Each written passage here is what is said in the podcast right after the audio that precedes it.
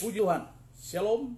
Selamat pagi, selamat hari Minggu. Saya sampaikan kepada semua saudara, semua jemaat yang berada di rumah masing-masing untuk mengikuti uh, renungan firman Tuhan secara live streaming pada hari ini. Kita bersyukur karena Tuhan baik-baik kita semua. Sampai hari ini kita tetap ada dalam pemeliharaan Tuhan yang luar biasa. Salam kepada semua saudara-saudara yang di Papua, di Maluku, ya, NTT, di Sulawesi, di Kalimantan, Pulau Jawa, Pulau Sumatera, Halmahera, Maluku Utara. Tuhan Yesus memberkati saudara semua. Setelah saya menyampaikan live streaming, saya akan tutup dengan doa berkat dan saudara akan meneruskan dengan puji-pujian satu dua lagu mungkin di rumah saudara. Lalu saudara sama-sama menaikkan doa syafaat bagi bangsa dan negara. Mari kita berdoa. Terima kasih Tuhan buat saat yang indah ini karena kembali kami dapat mendengar akan firman-Mu di hari Minggu ini melalui live streaming yang akan disampaikan oleh hamba-Mu ini Tuhan. Tuhan urapi kami semua yang sedang mengikuti live streaming ini sehingga firman Tuhan boleh memberkati kami sekalian. Terima kasih Tuhan, kami bersyukur dan kami siap untuk uh, merenungkan sebagian firman Di dalam nama Yesus kami berdoa. Haleluya. Amin. Puji Tuhan. Nah ibu bapak yang kasih dalam Tuhan Yesus Kristus hari ini firman Tuhan diambil dari Injil Matius pasalnya yang ke-6 mulai ayat 25 sampai dengan ayat 34. Saya ulangi. Injil Matius pasal 6 ayat 25 sampai ayat 34 di sini judulnya adalah hal kekhawatiran. Demikian firman Tuhan, karena itu aku berkata kepadamu, janganlah khawatir akan hidupmu, akan apa yang hendak kamu makan atau minum. Dan janganlah pula, dan janganlah khawatir pula akan tubuhmu, akan apa yang hendak kamu pakai. Bukankah hidup itu lebih penting daripada makanan, dan tubuh itu lebih penting daripada pakaian? Pandanglah burung-burung di langit yang tidak menabur dan tidak menuai, dan tidak mengumpulkan bekal dalam lumbung, namun diberi makan oleh Bapamu yang di sorga. Bukankah kamu jauh melebihi burung-burung itu? Siapakah di antara kamu yang karena kekhawatirannya dapat menambahkan sehasta saja pada jalan hidupnya? Dan mengapa kamu khawatir akan pakaian? Perhatikanlah bunga bakung di ladang yang tumbuh tanpa bekerja dan tanpa memintal. Namun aku berkata kepadamu, Salomo dalam segala kemegahannya pun tidak berpakaian seindah salah satu dari bunga itu. Jadi jika demikian Allah mendandani rumput di ladang yang hari ini ada dan besok dibuang ke dalam api, tidakkah ia akan terlebih lagi mendandani kamu, hai orang yang kurang percaya? Sebab itu janganlah kamu khawatir dan berkata, apakah yang akan kami makan? Apakah yang akan kami minum? Apakah yang akan kami pakai? Semua itu dicari oleh bangsa-bangsa yang tidak mengenal Allah. Akan tetapi Bapamu yang di sorga tahu bahwa kamu memerlukan semuanya itu. Tetapi carilah dahulu kerajaan Allah dan kebenarannya, maka semuanya itu akan ditambahkan kepadamu. Sebab itu janganlah kamu khawatir akan hari besok, karena hari besok mempunyai kesusahannya sendiri. Kesusahan sehari cukuplah untuk sehari. Amin. Demikian jawab pasal pembacaan firman Tuhan bagi kita semua dan yang berbahagia adalah mereka yang mendengar firman, menaruh dalam hatinya, melaksanakan dalam hidupnya hari lepas hari, sampai Tuhan Yesus datang kembali. Puji Tuhan, dari bacaan ini kita secara garis besar kita menjumpai bahwa Tuhan Yesus sedang berbicara tentang hal kekhawatiran. Di mana dia berkata bahwa kita tidak perlu khawatir tentang hidup ini. Tentang apa yang kita makan, minum, dan kita pakai. Kenapa? Karena Bapa di sorga pasti pelihara kita. Artinya secara jasmani itu Allah telah menyediakan semua fasilitas bagi kita sekalian sehingga kita tidak perlu khawatir tentang apa yang kita harus makan, minum, dan pakai. Sebab Bapa di surga pelihara kita. Ini sesuatu yang luar biasa. Karena itu kita bersyukur kalau sampai dengan hari ini ya, sampai dengan hari ini kita semua masih tetap ada dalam pemeliharaan Allah. Ini sesuatu yang luar biasa. Kita patut menaikkan syukur kepada Tuhan buat pemeliharaan ini. Jadi yang terpenting kata Tuhan Yesus bagi kita semua adalah cari dulu kerajaan Allah dan kebenarannya. Soal makan, minum, dan pakai itu Bapak di surga pelihara. Sebab itu di dalam bacaan kita ini, Yesus memberikan dua analogi kan, dua cerita. Satu dia bercerita tentang tentang burung-burung di udara yang tidak menanam tapi Bapak di surga pelihara. Lalu yang kedua dia eh, bicara tentang rumput di padang yang tidak memintal tetapi eh, Salomo dengan segala kemegahannya tidak berpakaian melebihi keindahan salah satu dari bunga itu. Ini kan bicara tentang tanggung jawab Allah untuk memelihara kita semua. Ini sesuatu yang luar biasa ya. Jadi Bapa di sorga atau Allah di sorga itu uh, bertanggung jawab, dia memelihara kita semua. Nah, yang penting di sini adalah bahwa kita harus mendahulukan kerajaan Allah. Yesus berkata, "Tetapi carilah dahulu kerajaan Allah dan kebenarannya, maka semuanya akan ditambahkan kepadamu." Apa itu kerajaan Allah? Kerajaan Allah adalah kerajaan di mana Yesus Kristus memerintah dari kekal sampai kekal. Saya ulangi, kerajaan Allah adalah kerajaan di mana Yesus Kristus memerintah dari kekal sampai kekal. Ini sesuatu yang luar biasa. Itu berarti bahwa Biarlah kita merelakan pemerintahan Allah itu berlaku atas hidup kita. Pemerintahan Allah dengan nilai-nilainya, dengan hukum-hukumnya itu berlaku atas hidup kita. Maka segala sesuatu yang kita perlukan dalam hidup ini, itu akan ditambahkan kepada kita semua. Karena itu, menyangkut firman Tuhan pada hari ini, saya melihat uh, ada beberapa kebenaran yang perlu kita renungkan bersama-sama. Sebab itu, uh, tema dari pembicaraan kita pada hari ini adalah ada empat hal yang akan terjadi setelah kamu jauh dari Tuhan. Jadi kita harus cari kerajaan Allah, artinya kita harus terus menerus hidup dengan Tuhan. Mengupayakan diri agar dekat terus dengan Tuhan, hidup dengan Tuhan. Tidak putus-putusnya, terus menerus. Dan ketika kita jauh ya, kita jauh dari Tuhan, nah ini persoalannya.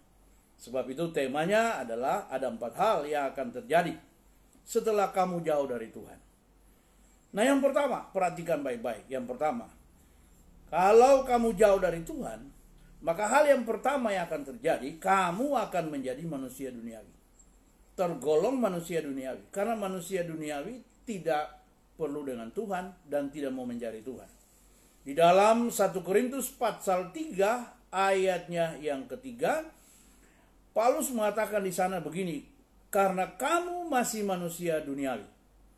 Sebab jika di antara kamu ada iri hati dan perselisihan, bukankah hal itu menunjukkan bahwa kamu manusia duniawi dan bahwa kamu hidup secara manusiawi? Memang kita manusia yang masih hidup dalam dunia ini. Tapi biarlah kita menjadi manusia rohani Artinya kita adalah orang-orang yang mencari Tuhan, mengutamakan Tuhan, hidup di dalam Tuhan, membuka diri agar Allah hadir dalam kehidupan kita. Sehingga dengan demikian kita tidak menjadi manusia duniawi, tetapi kita menjadi manusia rohani. Nah, jadi kalau saudara jauh dari Tuhan, maka hal ini yang pertama yang akan terjadi. Saudara bukan manusia rohani tetapi saudara akan menjadi manusia duniawi. Dan manusia duniawi itu orientasinya perkara-perkara duniawi, perkara-perkara yang ada di dalam dunia ini yang membuat ada iri hati, ada pertentangan, ya, ada perselisihan. Itu hal-hal yang ada dalam dunia ini. Tuhan tidak mau kita seperti itu. Tapi dia mau kita hidup dengan penuh damai, kita saling tolong menolong, saling mengasihi, apalagi dalam situasi seperti ini, biarlah kita masing-masing membuka diri bagi sesama kita untuk kita saling mendoakan dan saling tolong menolong sampai Tuhan meluputkan kita dari uh, masalah yang sedang kita hadapi bersama ini baik secara bangsa dan negara maupun di seluruh dunia, saudara-saudara. Jadi ini yang pertama. Setelah kita jauh dari Tuhan, kita pasti menjadi manusia duniawi. Yang kedua, hal yang kedua, kalau kamu jauh dari Tuhan, maka hal yang kedua akan terjadi, kamu akan sengsara dalam hidup ini. Hmm. Ya, kamu akan sengsara dikatakan di dalam 1 Timotius pasal 6 ya ayatnya yang ke-10 karena akar segala kejahatan da, ialah cinta uang sebab oleh memburu uanglah beberapa orang telah menyimpang dari iman dan menyiksa dirinya dengan berbagai-bagai duka perhatikan baik-baik firman Tuhan ya akar segala kejahatan itu cinta uang. Bukan uangnya ya. Uang itu alat tukar. Saudara pergi ke toko, mau beli sesuatu, harus punya uang atau minimal saudara punya ATM atau juga kartu ya. Tapi itu alat tukar namanya. Tapi cinta akan uang ini yang bahaya, ya. Cinta akan uang yang bahaya. Karena itu Alkitab berkata, sebab oleh memburu uanglah beberapa orang telah menyimpang dari iman dan menyiksa dirinya dengan berbagai-bagai duka. Orang kalau sudah mengejar harta, mengejar uang, pasti ya, menghalalkan segala cara. Saya ulang ya, orang kalau sudah memang menggandrungi harta, cinta akan uang, maka pasti dia akan menghalalkan segala cara.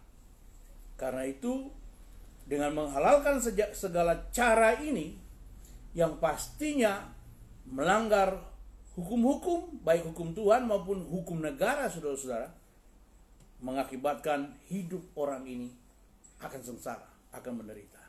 Sebab itu kalau kita jauh memang dari Tuhan, bukan Tuhan yang kita cari. Tapi yang utama adalah hal-hal materi yang kita cari, maka kita pasti akan sengsara. Ingat itu. Setelah kamu jauh dari Tuhan, kamu pasti sengsara. Karena yang kamu kejar bukanlah kebenaran, bukanlah kerajaan Allah dan kebenaran. Tetapi yang kamu kejar adalah harta duniawi ini. Cinta akan uang. Jika hati seseorang sudah tergoda, terpikat dengan perkara-perkara duniawi, maka hidupnya pasti menderita.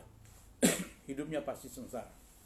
Saudara bisa lihat bukti laporan laporan di mass media maupun televisi bahwa sorry bahwa ada banyak orang yang kelihatannya pangkatnya, jabatannya tinggi, orangnya gagah, tapi dikenakan pakaian warna orange, pakaian KPK, ditangkap karena menyalahgunakan jabatan. Cinta akan uang membuat kita sengsara. Tapi kalau kita cari Tuhan, mendahulukan Tuhan, Tuhan akan membuat hidup kita bahagia. Hal yang ketiga yang akan terjadi setelah kamu jauh dari Tuhan ya. Kamu pasti akan kehilangan berkat-berkat Allah. Dengar baik-baik. Kamu pasti akan kehilangan berkat-berkat Allah. Mengapa begitu? Yesus berkata di dalam Matius pasal 6 ayat 33. Tetapi carilah dahulu kerajaan Allah dan kebenarannya. Maka semuanya akan ditambahkan kepadamu. Perhatikan baik-baik kata-kata ini. Cari dulu kerajaan Allah dan kebenarannya. Tadi dari awal saya sudah sampaikan apa itu kerajaan Allah. Kerajaan Allah adalah kerajaan di mana Yesus Kristus memerintah dari kekal sampai kekal. Jadi kita harus ada dalam pemberian pemerintahan Allah. Allah harus mendrive hidup kita. Dan kalau dia mendrive hidup kita, dia akan mendrive ke hal-hal yang benar.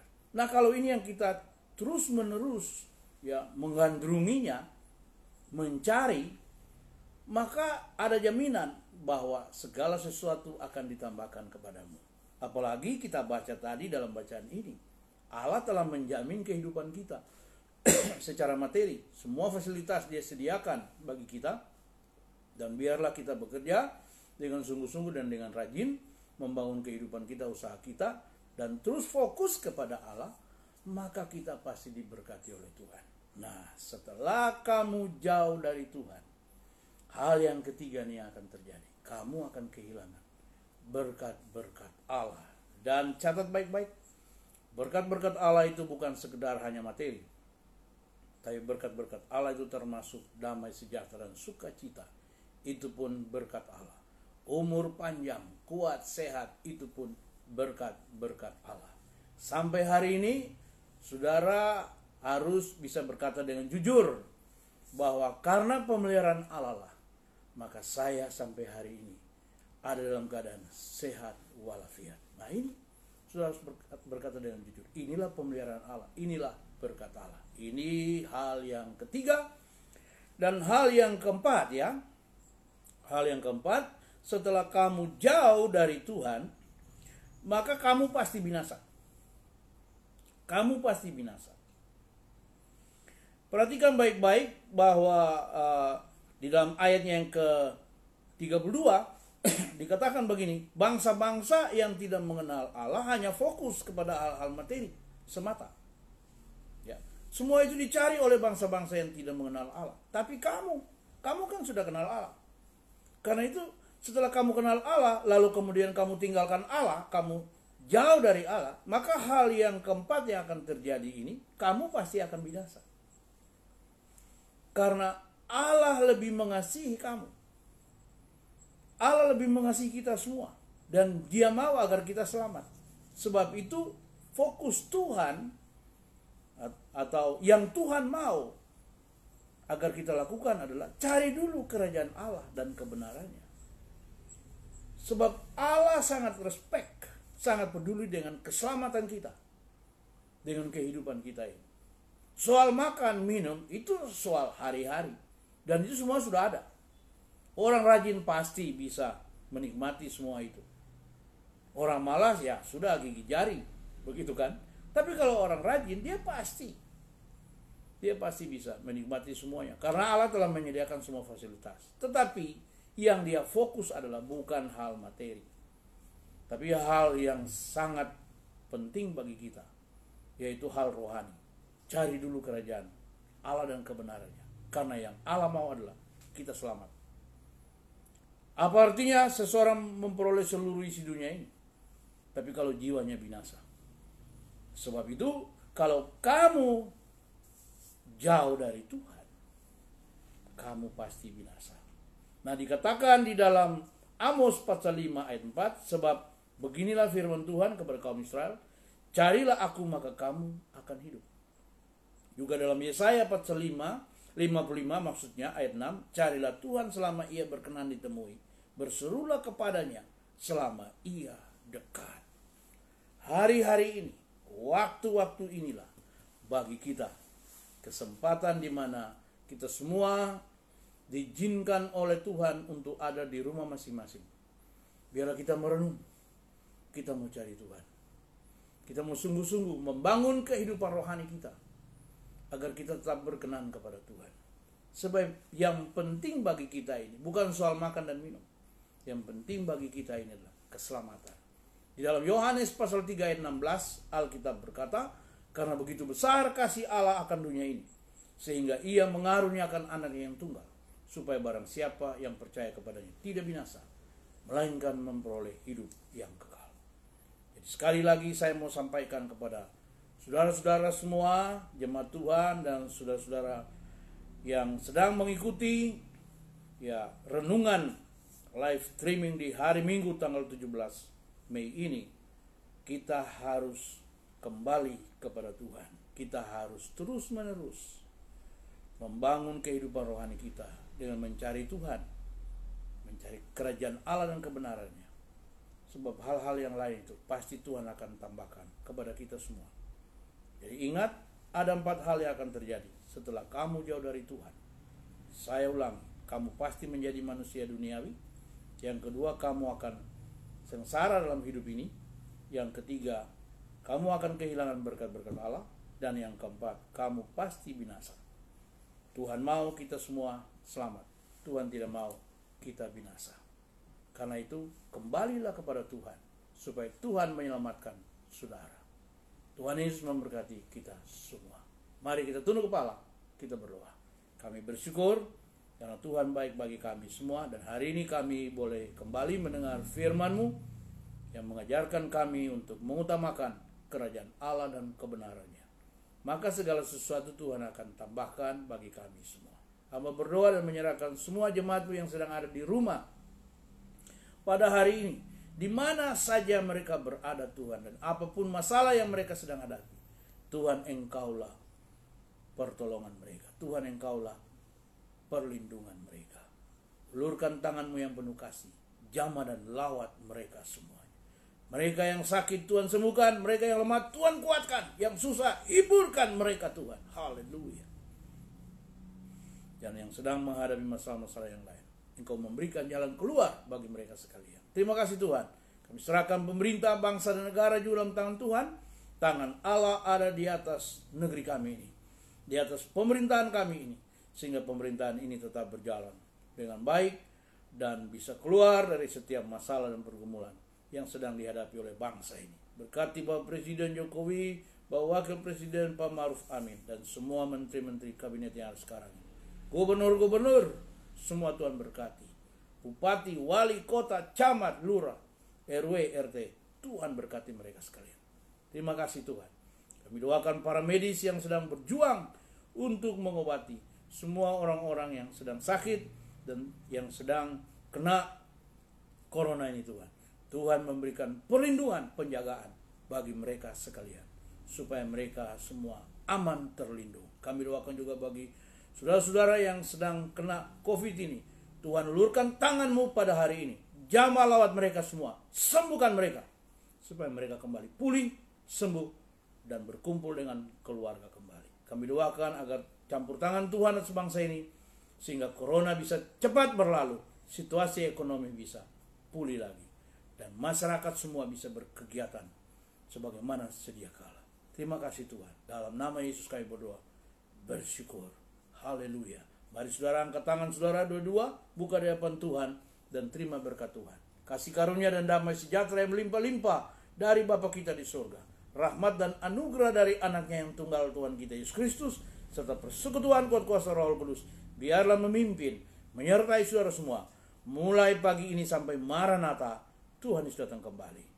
Semua kita yang diberkati Tuhan, bersuka cita dan tetap punya pengharapan dalam Yesus, sama-sama kita katakan, Amin. Puji Tuhan. Sampai jumpa. Tuhan Yesus memberkati.